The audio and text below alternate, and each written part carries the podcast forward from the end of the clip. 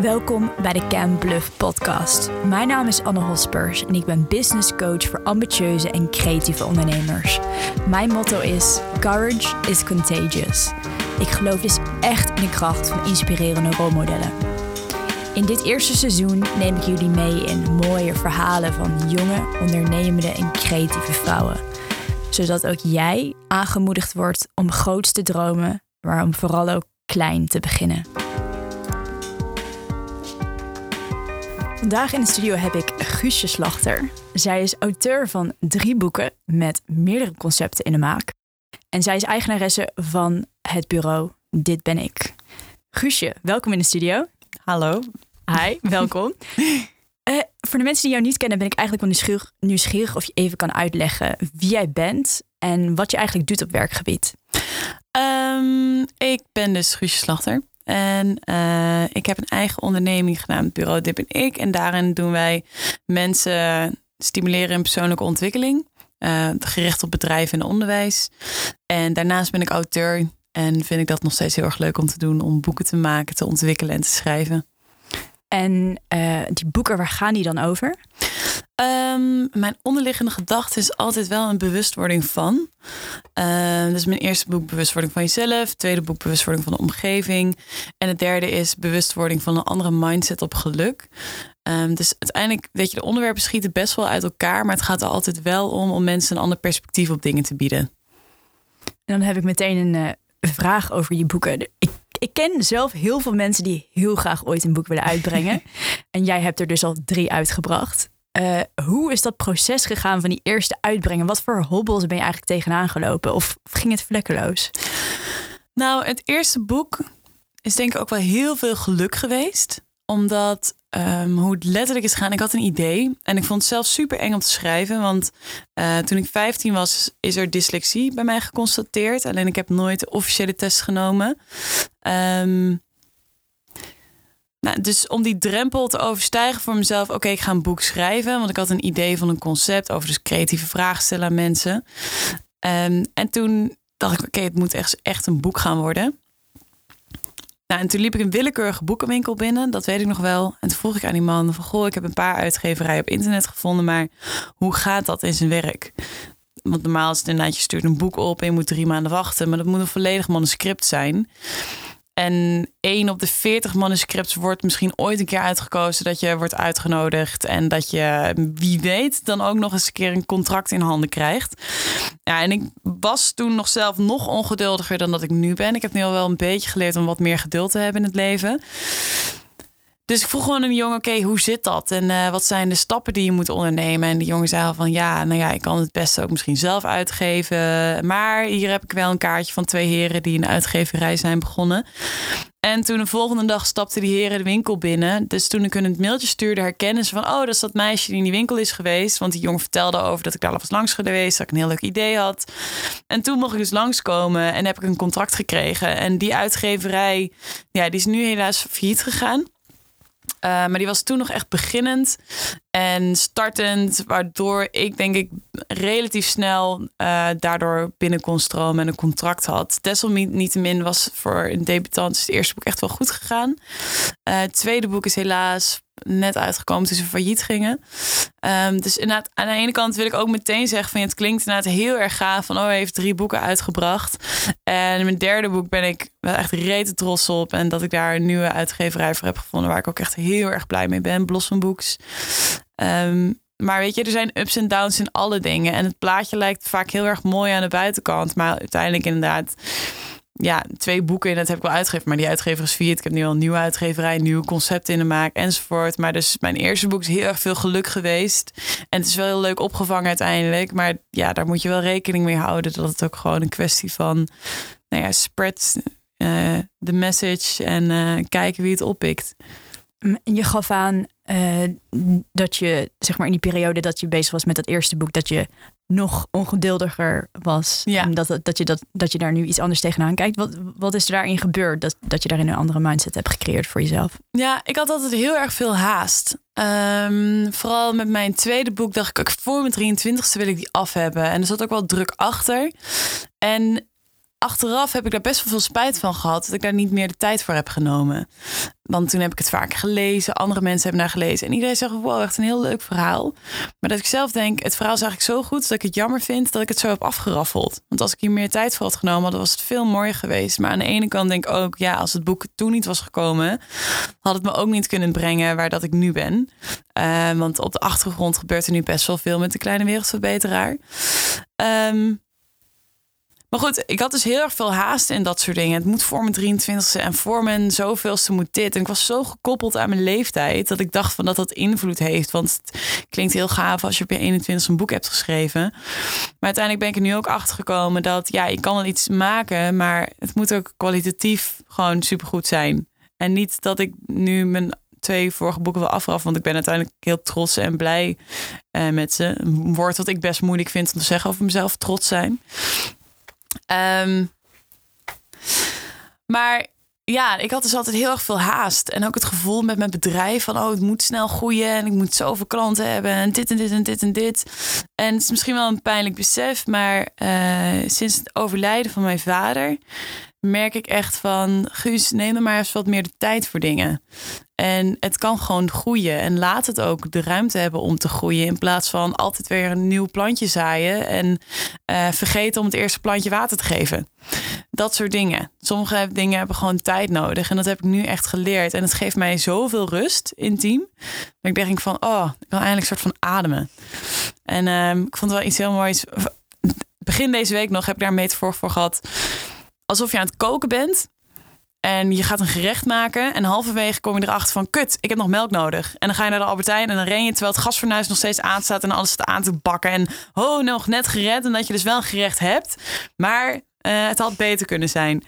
En nu zei iemand tegen mij van... ja, wat je nu doet... Uh, ben je een soort van gewoon aan het mise en plassen. Dus je gaat alles gewoon goed klaarzetten. Wat heb ik nodig? Wat moet ik gebruiken? En dan ga je rustig koken. En dan kan je alsnog tussendoor peper of wat dan ook erbij voegen als je dat wilt. Of even een andere nuance erin brengen. Tuurlijk. Maar, maar die melk heb je in huis. Ja, de melk heb ik in ieder geval. En zeg maar de cruciale ingrediënten, die heb je gewoon in huis. Dat, uh, dat, dat denk ik van, goh, en het geeft me echt veel meer rust als het gaat om ondernemen en het creëren van dingen en die de wereld inzenden. Een hele mooie les volgens mij. Ja, ja. Die begin deze week inderdaad gehad. Ja, dat... Uh, je, je hebt het net over je vader gehad. Uh, een van de vragen die ik eigenlijk aan al mijn gasten stel is: wat voor jeugd heb je gehad? Kom je uit een ondernemersgezin of hebben je ouders je bepaalde dingen meegegeven uh, waarom je zo ondernemend in het leven staat? Nou, ik denk dat mijn moeder stiekem wel heel erg ondernemend type is. Alleen ze heeft er nooit echt ruimte voor gehad. Want mijn moeder en vader zijn op een jonge leeftijd uit elkaar gehaald. En toen is mijn moeder eigenlijk over onze zorg heen gevallen. Um, ook twee banen gehad. Dus in eerste instantie was mijn drijfveer, mijn ambitie kwam heel erg vandaan van... oké, mijn moeder heeft keihard gewerkt om ons alles te geven wat wij kunnen doen en willen. Dus ik ga mijn leven op zo'n mooi mogelijke manier invullen. En ik ga um, alles pakken wat ik kan doen. En inderdaad, daar kwam mijn ambitie vandaan. Ik wil gewoon mijn moeder op die manier mijn dankbaarheid tonen voor alles wat ze voor ons heeft gedaan. En ja, uh, nou ja, ik ben dus. Uh, ik heb mijn vader wel meegemaakt in mijn jeugd. En toen in mijn puberteit is hij heel erg wel op de zijlijn geweest. Tot het moment dat ik hem echt drie jaar niet gezien heb. Dus hij is niet echt in de picture geweest. En ik denk op mijn 18 of zo dat ik toen weer meer contact met hem kreeg. En uh, tijdens zijn ziekte, dus deed hij dit jaar in juni werd echt uh, kanker bij hem geconstateerd. Daarvoor had hij al prostaatkanker, maar dat zag er eigenlijk heel erg goed uit. Maar toen hebben ze dus niet gezien dat hij ook blaaskanker had. En toen heb ik hem leren kennen beter. En het is pas spijtig dat na zijn overlijden heb ik hem pas echt leren begrijpen. En toen zag ik inderdaad dat mijn vader een enorm bevlogen, passievolle, ambitieuze man is voor het leven. Maar daarin ook heel erg verdwaald is geraakt. En dat bracht mij dus in het echt met zo'n klap in mijn gezicht. Ik dacht van oké, ik ben ook zo'n enorm ondernemend, alles aanpakken en alles doen. Maar ik moet mezelf wel gewoon mijn hoofd erbij houden. Mezelf er niet in gaan verliezen. En toen is inderdaad bij mij dat geduld ingeslagen. Dat ik dacht van oké, ik doe heel veel dingen. En dat zal ik ook blijven doen. Maar um, ja, geef het tijd en ruimte. En heb geduld erin. En voel rust erin in plaats van de chaos. Ja, heel mooi, Guusje. Ik, ik wist het niet over jou, dus uh, dank voor het delen. Ja, nee, graag gedaan. En was er, je, je, je schrijft nu boeken, je hebt een eigen persoonlijk ontwikkelingsbureau. Wat wilde je eigenlijk vroeger worden toen je bijvoorbeeld tiener was?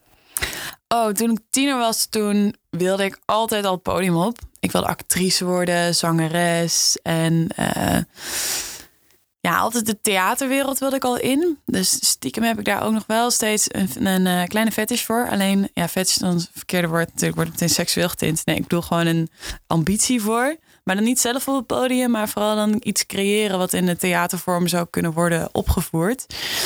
Um, maar dat, wel, dat had ik dus vroeger. En toen heb ik ook een periode gehad dat ik heel dierenarts wilde worden. Maar dat was gewoon omdat ik heel veel met dieren had. En dan leg je zelf als tiener de conclusie... oh, leuk dieren. Jee, leuk dieren helpen.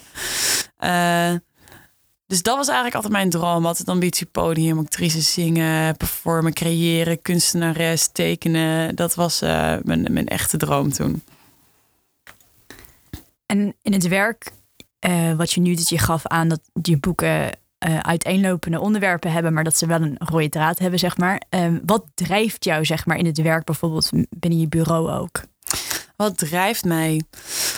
Oh, dan heb ik wel, uh, ja, dat denk ik ook vooral vaak wel wat je terugkrijgt. Dus um, je zendt iets en dan krijg je daarvoor iets terug. En dat moet altijd groter zijn dan hetgene wat je zendt. Dus dan heb ik het ook gewoon over positieve en negatieve energie. Maar ook gewoon over berichten. Kijk, als ik ergens heb gestaan en ik krijg vervolgens terug van... wat was het voor shit, sorry. Ja, dan weet ik inderdaad, oh, waar ben ik nou eigenlijk mee bezig? Gisteren had ik nog echt een enorme klap. Um, ik, ik mag een hele gave reeks doen binnen Fontes Journalistiek School. Ja, ik zeg het maar gewoon. En toen kwam ik daar gisteren en toen waren er maar twee studenten aanwezig. En het was de tweede workshop die ik gaf. En ik had echt zo'n moment van nou, waarom doe ik dit eigenlijk? Waar ben ik in vredesnaam mee bezig?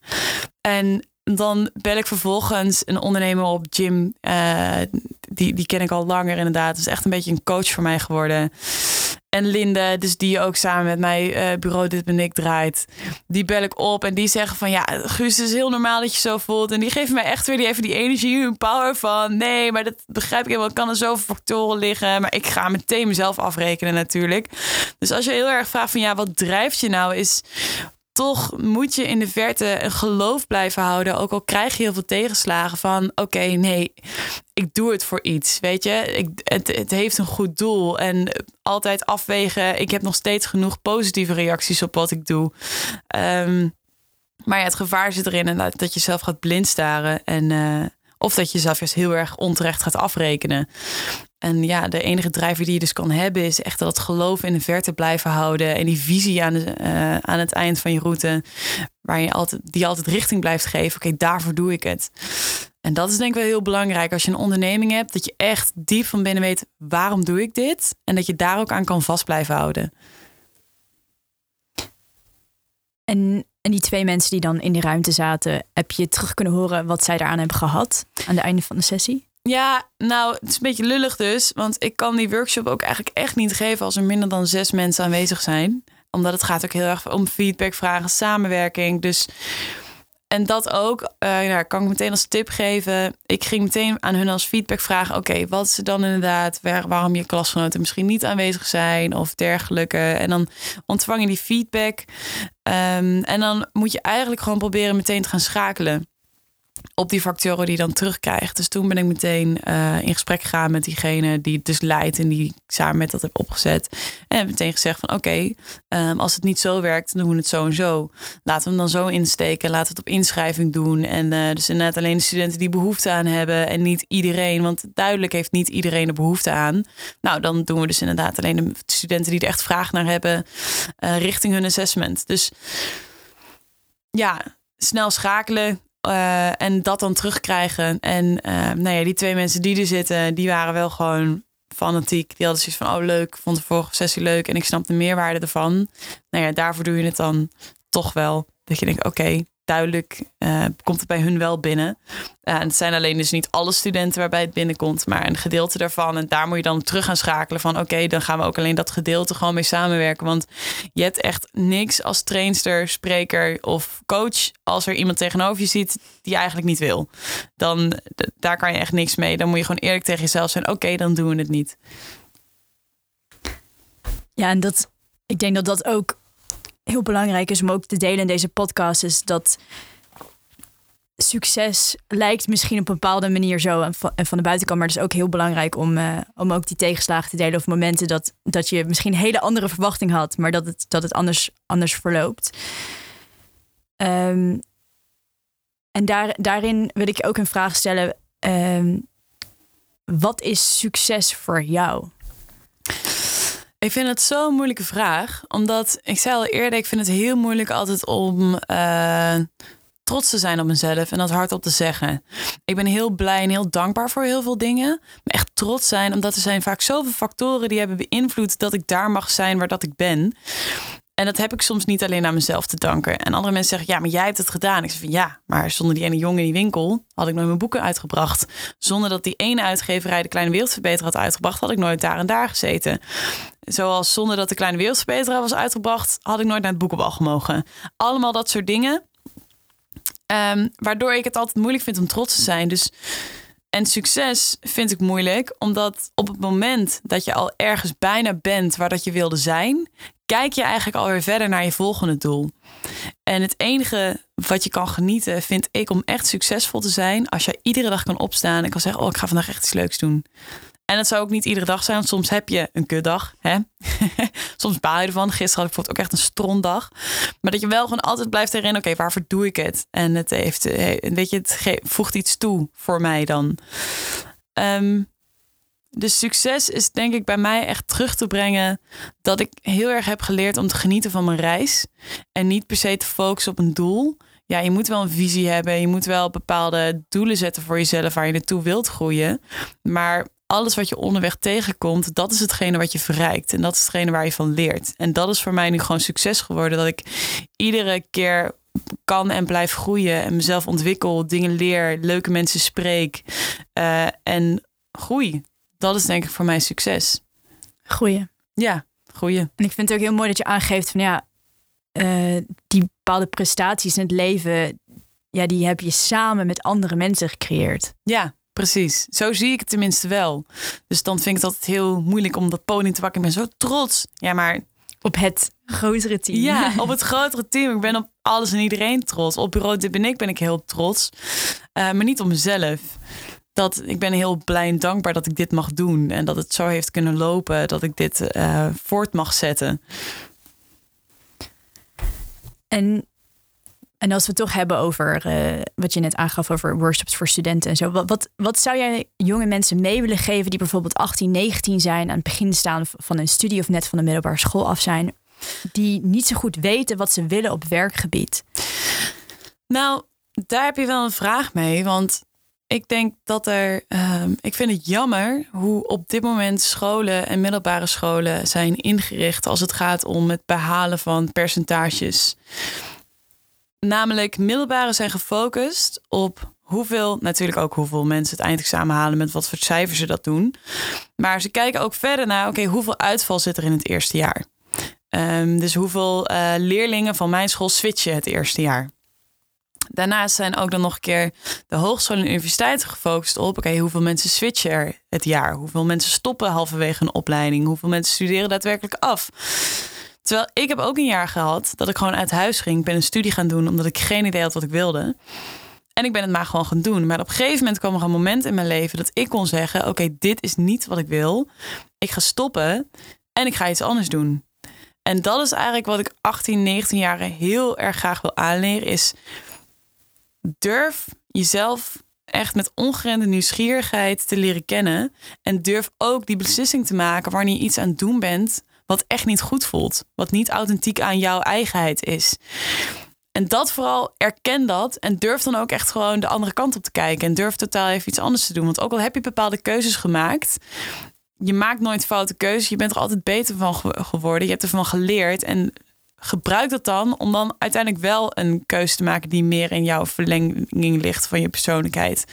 En dat, ja, dat zou het enige wat ik wil meegeven is echt van oké, probeer echt gewoon te kijken wat past er bij mij, wie ben ik en daar continu in te, ja, hoe noem je dat, flexibel in te blijven. Dus niet je hoofd, ja, maar ik ben hier aan begonnen, dus ik moet het afmaken.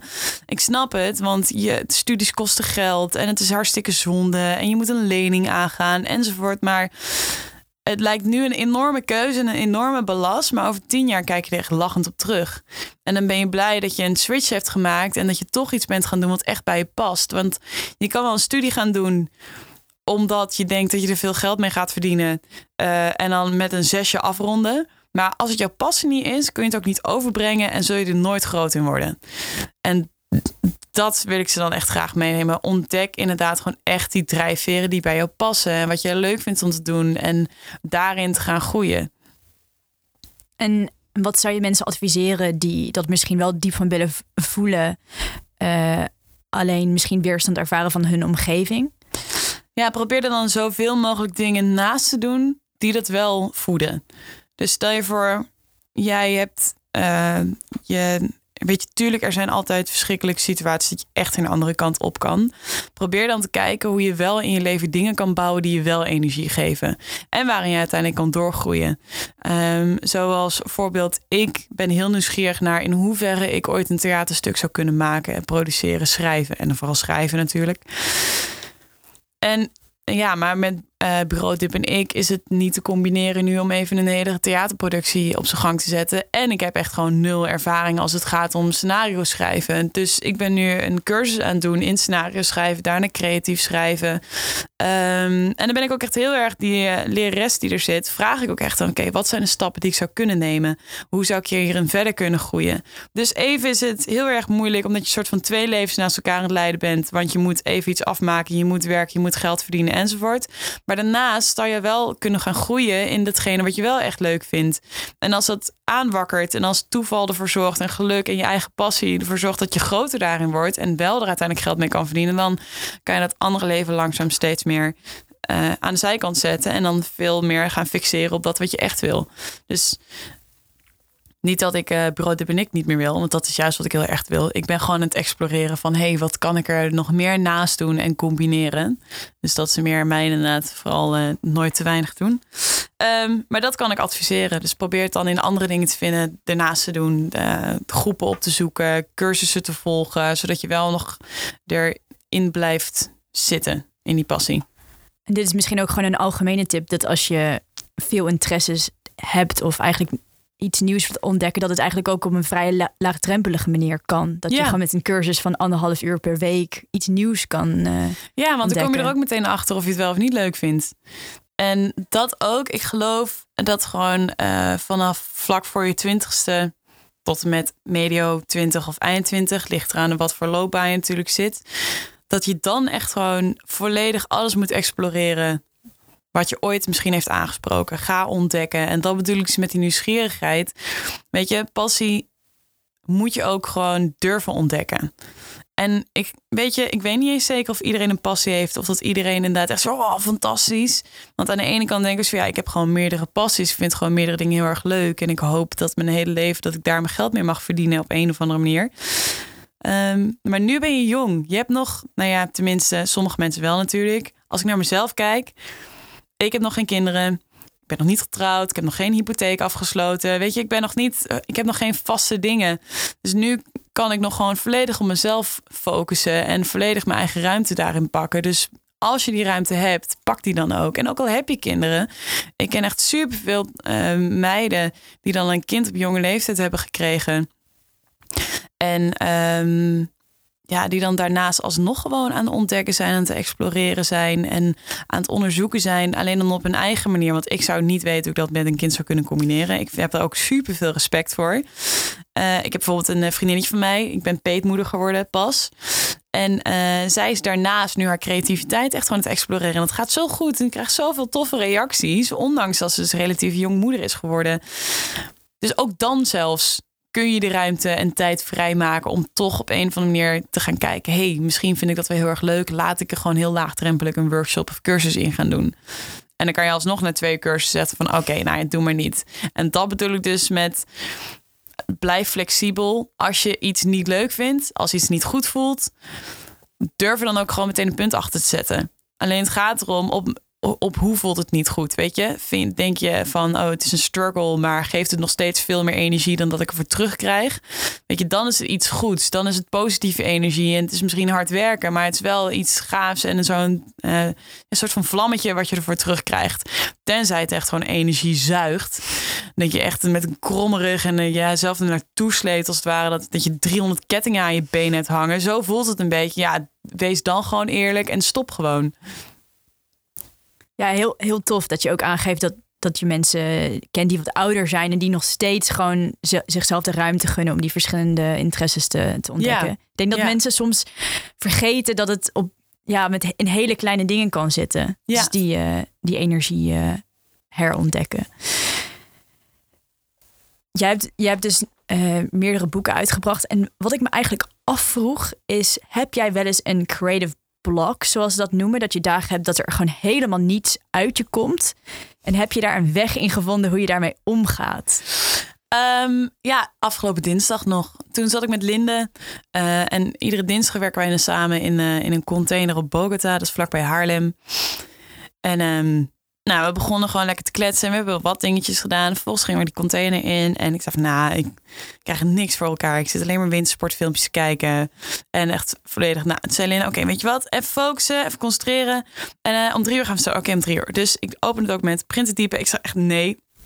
Nee, er komt echt gewoon helemaal niks uit. En toen dacht ik van, ja, weet je wat? Ik ga het gewoon accepteren. Er komt vandaag niks nuttigs uit. Het, ik, ik ga gewoon afleiding zoeken. En ik ga gewoon lekker nadenken en lalala in mijn hoofd leven. En uh, ik denk dat het accepteren op een gegeven moment is het gewoon pen neer, let it go. Uh, en dat gebeurt vaak ook alleen op dagen als ik geen stok achter de deur heb. Als ik iets af moet hebben, dat er echt een hele strakke deadline ergens op zit. En dat er ook heel veel shit gebeurt als het niet uh, af is. Ja, dan is het echt rammen. En dan kan ik echt gewoon 14 uur op een dag opeens werken en van de ene naar het ander springen. Het moet af, moet af, moet af, moet af. En dan als zulke weken dat het eigenlijk niet per se hoeft, maar toch weer wel. Want anders weet je dat je over drie dagen problemen krijgt. Ja, dan ben ik zo'n vieze uitsteller die op een gegeven moment gewoon accepteert van oké, laat maar. Vandaag is een niks doen dag. In ieder geval een, een lekker jezelf afleiden. En vooral andere mensen afleiden dag. En uh, ik ga gewoon even lekker niks doen. En dan, ja, dus accepteren. En gewoon loslaat en kijken wat de volgende dag je gaat brengen. Ja, eigenlijk wel. Gewoon laat het gaan. dus ik heb zo'n vies Disney liedje daar ook van gemaakt als ik het in Engels ga vertellen. Ik, ik ben wel nieuwsgierig. Jij, heb jij ook wel eens voor een baas gewerkt? Ja, ik heb um, natuurlijk heel erg lang in de horeca gezeten tot en met mijn twintigste heb ik altijd... Natuurlijk? Natuurlijk, ja, inderdaad. Ik zeg, ja, natuurlijk. Uh, nee, dat hoeft helemaal niet. Ik heb heel erg lang in de horeca gezeten. Um, en toen daarna, even denken, op mijn twintigste... toen ben ik gaan focussen op mijn boek. En ik heb wel altijd klussen daarnaast gedaan... waardoor ik inderdaad wel geld verdiende. Um, toen ben ik twee zomers geleden... Um, Oh ja, toen had ik natuurlijk stage en zo, dat soort dingen. Nou, en um, twee zomers geleden, toen ben ik even eventmanager geweest bij een strandtent. En dus toen had ik een baas. Um, en toen daarna ben ik ook scout geweest bij Models at Work. Toen had ik ook een baas. Uh, maar dat was wel altijd niet vijf dagen in de week voor iemand werken. Ik had daarnaast altijd wel mijn eigen ding. Dus ja, dichter aan wat je vraag is. Ja, ik heb voor bazen gewerkt en ik heb uh, leidinggevende gehad, maar nooit vijf dagen in de week dezelfde. En, en als je het hebt over, we hadden net over creativiteit. Uh, zijn er bepaalde mensen waar jij tegenop kijkt? Mensen die jou heel erg inspireren? Die hoeven niet per se in je eigen omgeving te, te, te zijn, maar mensen die, ja, waar jij. Ja, ik heb uh, één favoriet en dat is Martin Luther King. En die gebruik ik ook altijd in mijn workshops als voorbeeld. Uh, als dan over personal brand even te spreken. Maar omdat Martin Luther King, die heeft een beweging in de wereld voortgebracht en een boodschap ge gegeven. Wat een en al uit liefde kwam. En ik vind het zo een mooie manier om iets te veranderen in de wereld. Dat je het met zoveel positiviteit doet. Met zo'n krachtige visie. Waardoor je echt honderdduizend volgers krijgt die in diezelfde visie gaan geloven. En dat vind ik iets heel erg gaafs. Want je hebt nu best wel dat er veel mensen iets willen veranderen in de wereld. Maar op een hele negatieve manier. Waardoor ze dat ook alleen maar terugkrijgen. En dat vind ik heel zonde als dat gebeurt. Want de boodschap die wordt gegeven, er zit echt wel een hele mooie kern van waarheid in. Alleen het ligt gewoon heel erg op de manier hoe je hem brengt. Uh, met welke gedachtegoed en welke energie van jou erachter zit. En Martin Luther King vind ik een perfect voorbeeld. Net als Nelson Mandela natuurlijk. Uh, die hebben zoiets veranderd. Terwijl er was zoveel haat in die wereld. Zoveel boosheid en zoveel uh, onmacht. Uh, en irritatie. En ondanks al die gevoelens die hij waarschijnlijk ook echt wel had, kon hij het zo vredig brengen. En daar heb ik echt heel veel respect voor. Dus als je een groot voor. Ja, Martin Luther King is echt mijn grote voorbeeld. Mooi. Niet dat ik ooit zo groot zou kunnen worden als hem, maar weet je, maar als je iemand. Maar dat hoeft ook niet, toch? Nee, dat je... nee maar als je net iemand gewoon uh, als voorbeeld wilt waar je echt tegenop kijkt, dan is, dan is hij dat. En, en om de, in deze hoek te blijven, jij hebt een eigen levens, zelfgecreëerd levensmotto volgens mij. Die staat ook op LinkedIn. Misschien, ja. misschien uh, vind je het leuk om daar nog even wat uitleg over te geven. Ja, dat is als je goed kan dromen is het echt. En hij is er veranderd. Hij begon nooit als je goed kan dromen lijkt het net echt. En toen zei iemand nee, je moet uh, als je goed kan dromen is het echt. Want dan wordt hij sterker. En daar geloof ik zelf wel in. Ik ben super dankbaar dat ik nu gewoon altijd dingen mag doen in mijn leven die ik ontzettend leuk vind om te doen. En waar ik energie van krijg. En natuurlijk heb je kutdagen. Net zoals woensdag dat er opeens maar twee mensen in je klas zitten. En dat je vanaf Haarlem met Tilburg bent gereisd. Ja, dat is gewoon kut. Um, maar ondanks dat, als ik naar mijn leven kijk en de invulling ervan, ben ik zo dankbaar, zo blij en zo gelukkig. Um, ja, en daar staat eigenlijk ook mijn motto voor. Dat als je iets wilt doen en je zet je volledige energie erin, dan kunnen er zoveel mooie dingen gebeuren. En dat bedoel ik dus met dat uh, als je goed kan dromen, is het echt als je iets wilt, droom ervan. Um, spreek erover met heel veel andere mensen. En dan zul je zien dat de dingen zo gaan lopen dat er op een of andere manier komt jouw droom daar. En het is misschien niet exact dezelfde droom als die je vijf jaar geleden had. Want ja, je leert en je past jezelf aan en zo. Maar je hebt dan wel zo'n moment van wow, het is gewoon gelukt. Heel stom voorbeeld. Ik had een crowdfunding. Nou, niet stom voorbeeld. Iets wat heel gaaf is. Ik had een crowdfunding uh, vorig jaar rondom december gestart. Om dus mijn eigen boeken te kunnen terugkopen. En midden in die crowdfunding kwam mijn vader te overlijden.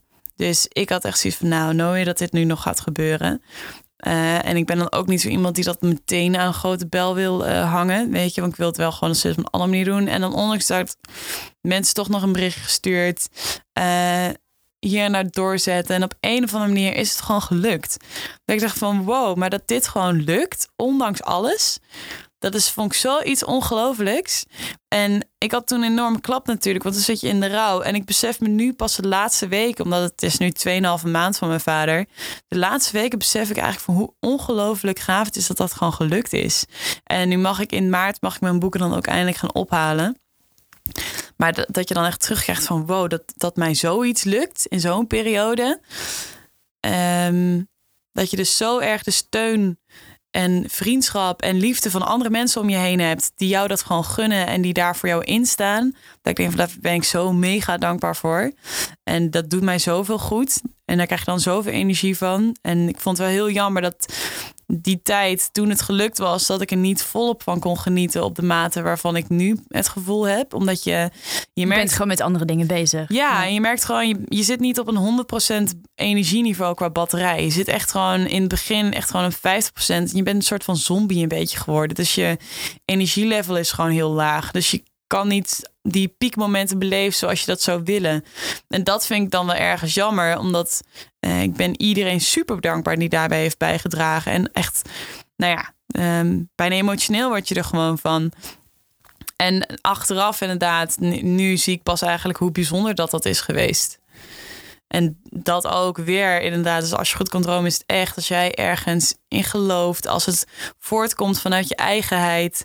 Dan zul je zien dat mensen daarin ook in mee willen. En dan in jou gaan geloven. En nu niet dat ik mezelf op een podium wil plaatsen. in tegen helemaal niet zelfs. Maar gewoon dat je dus vriendschappen creëert die jou willen steunen daarin, in die visie geloven. En dan ben jij daar niet eens direct aan gekoppeld, maar ze geloven gewoon in een, een visie die dan toevallig jij verteld hebt ooit. En dat is gewoon iets heel gaafs als dat gebeurt.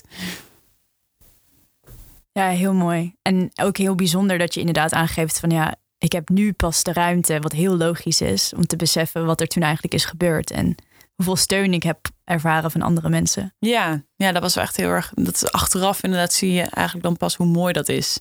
En hoe gaaf dat is. Ja. En wat voor grote dromen heb jij nog? Oef. Heel veel volgens mij. Heel veel. Ehm, wat voor grote dromen heb ik nog? Nou, ik, nu is mijn grootste droom uh, om toch. Nou, eigenlijk zou ik van bureau Dip en ik heel graag een, uh, echt een keurmerk, een soort van bijna instituut willen maken. Dus ik zie echt een heel groot mooi pand voor me.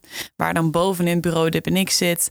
En daaronderin dan een hele leuke bibliotheek. Met, uh, waar je al mensen gezellig elkaar kunnen leren kennen. En dan ergens anders weer een ruimte waar je kan uh, mediteren. Maar dan niet hoe dit al gedaan wordt. Maar dan echt gewoon in de vorm van slaapcabines of zo. Weet je wel? Dat je dus daar gewoon even incheckt in je pauze. En je gaat gewoon even een kwartiertje je ogen dicht doen en ontspannen.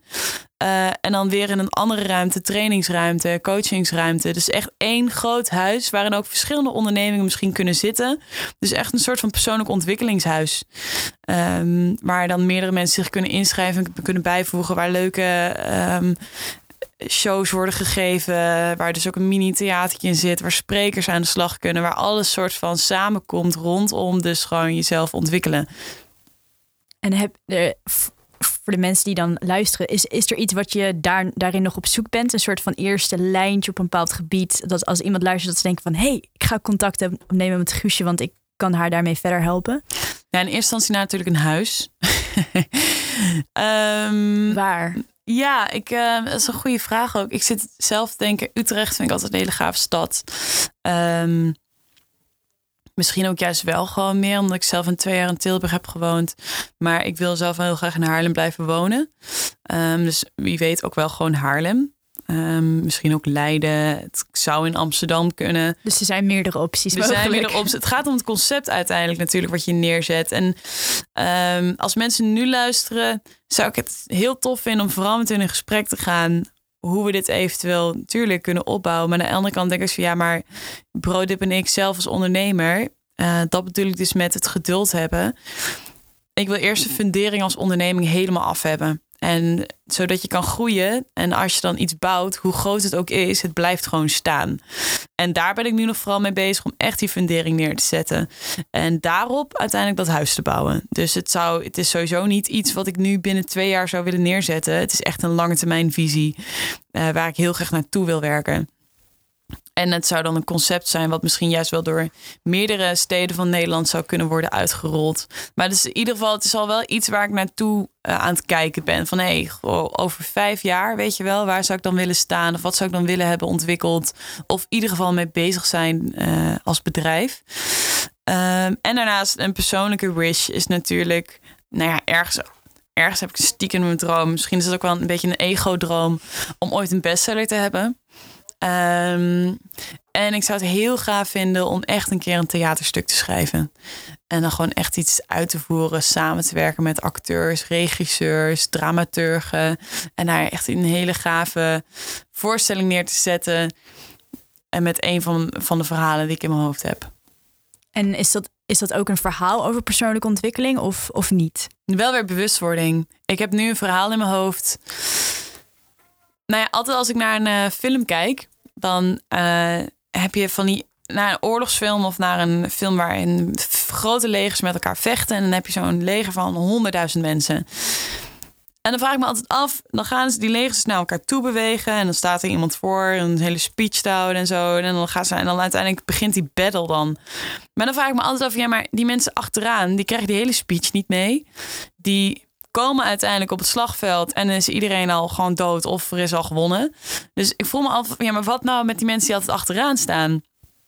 En mij lijkt het heel erg leuk om gewoon met vier acteurs een toneelstuk te maken over dus twee soldaten die altijd achteraan staan en die dan eenmaal op het midden van het veld komen, die gaan dan lijken rapen.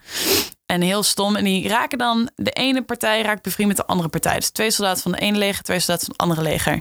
En die gaan dan met elkaar in conclave, gaan leuk. En die spreken soort van af, want ja, zo'n slagveld, het duurt meerdere dagen.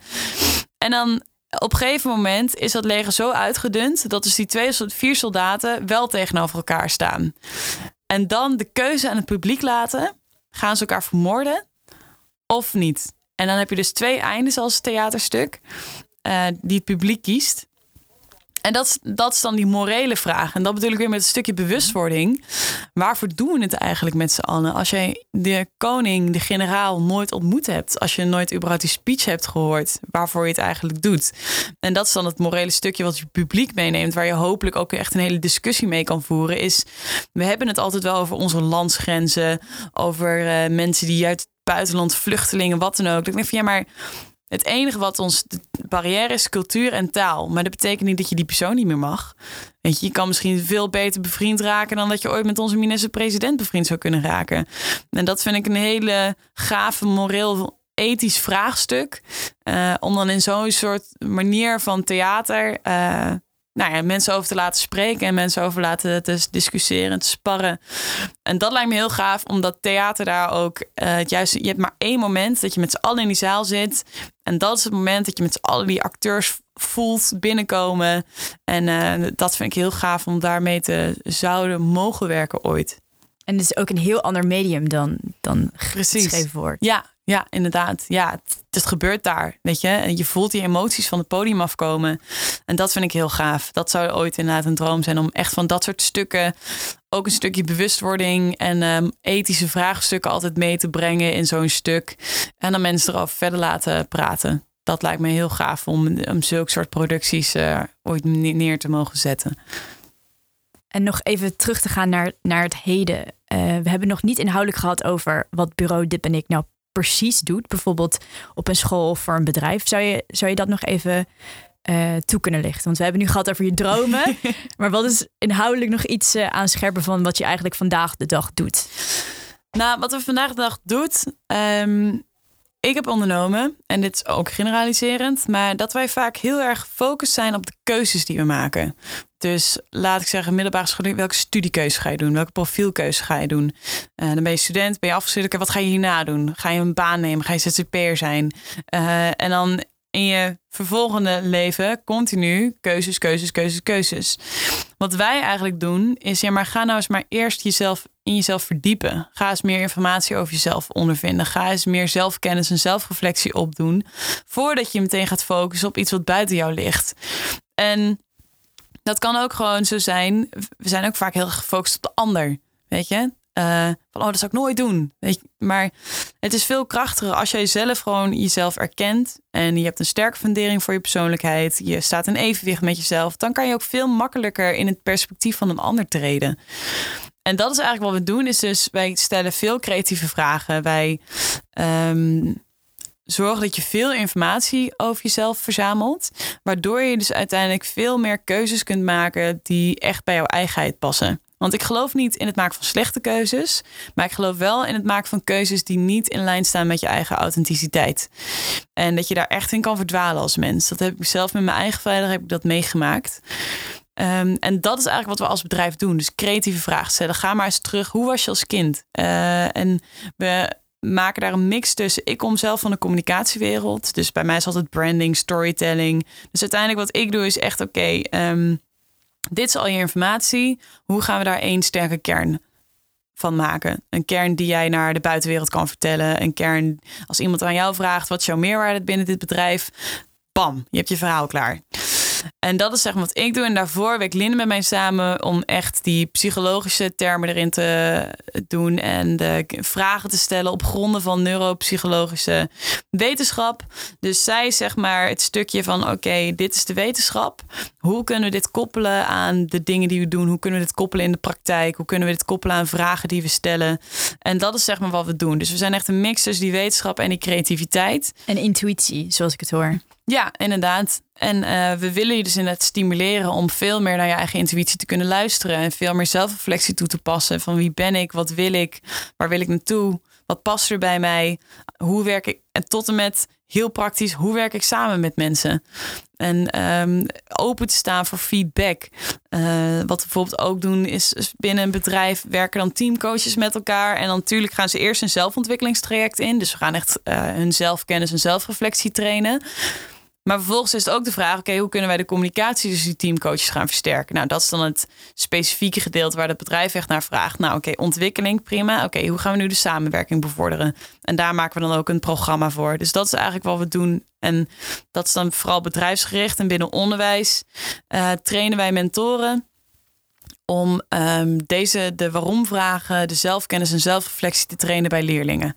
Dus dan is het een trainer-trainersysteem uh, dat ze wel van ons lesplannen krijgen, maar het gaat vooral om de manier waarop. Het doorvragen aan de leerlingen, uh, zelfreflectie, vragen, echt gewoon doorvragen, stimuleren. Um, en dat is wat we doen binnen onderwijs. Uh, en wat, wat ik me dan afvraag, je, jij, jij staat er dan als 24-jarige voor zo'n groep van, van mentoren. Heb je soms ook dat mensen zeggen van, uh, wat kom jij hier doen? Nou, in eerste, in eerste instantie zeg ik niet dat ik 24 ben. het is niet, Goed niet, begin. Het is niet mijn pitch, zeg maar. Ik word heel vaak ouder geschat. En uh, um, nou ja, 29 wordt mij een beetje gegeven. Dus het is niet dat, dat eigenlijk. Het is niet dat ik, als ze erom vragen, dan zeg ik het eerlijk hoor. Maar de vraag krijg ik eigenlijk ook heel vaak niet. En ten tweede, ja, ik ben jong. Dus ik zet mezelf ook echt niet op een podium. Als ik met mentoren werk, zeg ik ook aan het begin: Nou, dit is ons geloof, dit is onze methodiek, dit is wat we doen. Maar als jullie inbreng hebben met jullie ervaring, met jullie achtergrond, doe dat alsjeblieft. Weet je, wij gaan hier samen met jullie, met onze kennis en jullie kennis, gaan we het gaafste traject neerzetten. Dus zo zet ik mezelf ook altijd neer. Het is niet dat, nou, nu kom ik even een training geven, ga ik jullie vertellen wat jullie allemaal fout en hoe jullie het goed moeten doen. Echt totaal niet. Het is gewoon heel erg van, nou, dit is wat wij kunnen brengen aan jullie. En ik heb vooral die ervaring en kennis van hun nodig. Want daardoor leren wij ook weer als bureau. Dus je gaat niet een, uh, je gaat niet een training geven. Ik ga met hun een samenwerking aan. Waardoor we een heel gaaf product kunnen neerzetten. En waardoor we een bepaald iets kunnen gaan bevorderen binnen een bedrijf of middelbare school. Samen. In plaats, ja. En dus we zenden niet alleen, we ontvangen ook. Dus echt teamwork. Ja, ja. En ik kan me voorstellen dat het dan heel anders overkomt als, je het, als dat jouw uh, aanpak is. Ja, ja en ik, uh, ik denk ook dat dat de beste manier is, omdat ja, ik ben inderdaad jong. En ook al ben ik ouder, dan hoop ik dat ik het nog steeds zo doe en dat ik niet mezelf op een podium heb gezet. Ik weet nog, ik was 20 en toen heb ik echt de ergste feedback ooit ontvangen. Dat was van iemand die mij dan niet per se kende of ooit gesproken heeft, maar toen heb ik van iemand gehoord dat iemand mij arrogant vond. En dat vond ik zo verschrikkelijk om te horen. Dat ik dacht van oké, als ik dat op een of andere manier uitstraal, dan wil ik daar echt aan werken. Want dat vind ik de ergste label die je zou kunnen krijgen. Dus toen ben ik er echt uh, gaan denken van oké, hoe zou het kunnen dat ik zo overkom? Weet je wel, wat zijn bepaalde gedragingen die ik heb? En dan zeggen heel veel mensen van ja, maar het ligt aan hun. Weet je wel, dat is hun spiegeling, dat is hun onzekerheid. Ja, maar ik snap ook wel zeker dat, dat jij zelf daarin ook wel echt kan anticiperen als persoon. Dus ja, dus vandaar dat ik eigenlijk mezelf ook altijd zo opstel tijdens trainingen. Van goh, we gaan er iets heel gaafs van maken met z'n allen. En toevallig geven wij ongeveer een beetje de richting aan. Maar ik heb jullie ook nodig om de zeilen aan te spannen en dergelijke. En uh, al die anderen, zodat het schip wel gewoon naar een toffe plek kan varen. Ja, en dat, dat, dat mensen die dus deelnemen ook een stukje eigenaarschap uh, ja, ervaren. Absoluut. Ja, ja. Uh, we, zijn, we gaan zo richting de afronding. Uh, maar ik ben eigenlijk wel benieuwd. Uh, je geeft ook aan dat, je het lastig vindt om trots, trots te zijn op dingen die je hebt gedaan. Maar eigenlijk ben ik ook wel benieuwd van welke eigenschap, welke ondernemerseigenschap heb jij, waardoor, waardoor jij nu al een aantal hele mooie projecten in de wereld hebt kunnen zetten? Um, ik denk, ook al zeg ik het van mezelf, heel empathisch kunnen zijn. Dus heel erg kunnen ondervinden, oké, wat is het probleem nou? En ehm, dan ook niet per se meteen in een oplossing denken. Gewoon eerst, oké, wat is het probleem? En dat probleem volledig gaan uitschrijven. Dus weer dat divergeren eigenlijk. Oké, wat is het probleem? Uh, en dan weet je ook inderdaad heel erg aan te voelen: oké, dit en dit en dit, uh, hier zijn de pijnpunten. En dan, als jij die snapt, dan heeft iemand het gevoel van: oké, okay, ze begrijpt die situatie. Dus dat in eerste instantie niet meteen uh, jezelf gaan verstaan: oh, dit kunnen we aanbieden. Nee, luister naar wat iemand te vertellen heeft. Echt luisteren, wat zegt deze persoon nou eigenlijk? En door blijven vragen. En niet bang zijn om inderdaad te ontdenken wat iemands anders pijnpunten zijn. Zonder dat je meteen gaat kijken, oké, waar kan ik gaan vullen? Nee, ga maar eerst ondervinden, wat is het probleem nou precies wat die persoon heeft? Want dan kan je zelfs eerlijk zeggen, ja, ik denk niet dat je bij mij moet zijn. Ik denk dat je veel beter die en die uh, oplossing Of dan weet jij voor jezelf ook altijd dat je iets aan het doen bent bij diegene wat bij jou past. En ik denk, een tweede is heel snel nou, dat heeft denk ik ook met het luisteren te maken. Zoals dat ik dus inderdaad een workshop met twee mensen in de klas zit. Ja, ik ben dan meteen zo van, ja, ik wil wel iets nuttigs doen. Dus dan ga ik schakelen. Oké, zo gaan we niet door. Ik ga niet nog zoveel les geven met maar zes tot acht mensen in de klas. Dan gaan we het op een andere manier doen. En dan ook niet kunnen vaststellen, ja, maar dan maak ik minder uren enzovoort. Nee, laat het los, weet je. Uh, dat kost ook minder tijd voor jou, minder energie kost het jou. En dan kan je die energie weer ergens anders in stoppen. En dan heb je geld zo weer terugverdiend. En dat is ook gewoon aanpassen, schakelen. En niet gaan fixeren op hoe je iets hebt afgesproken en hoe je het gaat doen. Tuurlijk moet je het altijd in overleg doen met je klant. Je kan niet opeens zeggen, oh, we gaan het toch zo doen. Weet je, als, als diegene tegenover mij had gezegd... ja, maar ik wil dat je die lessen met drie personen in de klas gaat afmaken. Ja, prima, dan heb ik geen keus. Maar ik wil graag oplossingsgericht altijd blijven denken met diegene. Dus misschien is dat dan een beter woord. Altijd in oplossingen blijven denken. Altijd het proces blijven bevorderen. En altijd de meest efficiënte keuzes blijven maken. En, te, en, tegelijkertijd volgens mij ook een heel erg een win-win zoeken voor beide partijen. Ook al betekent dat soms dat je diegene doorverwijst naar een, een, een, collega bijvoorbeeld. Ja, precies. Inderdaad. Eerlijk zijn, denk ik daarin. Gewoon heel eerlijk zijn. Ja.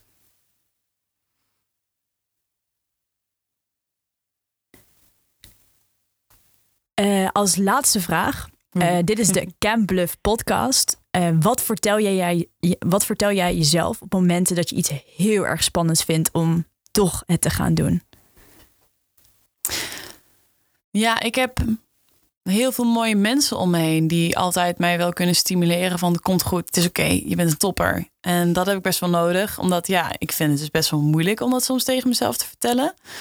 Um, dus dat kan ik meegeven. Verzamel mensen ook om je heen die jou inspiratie bieden. Luister naar hun en waardeer die mensen ook. En laat het ook echt gewoon, geef dat terug.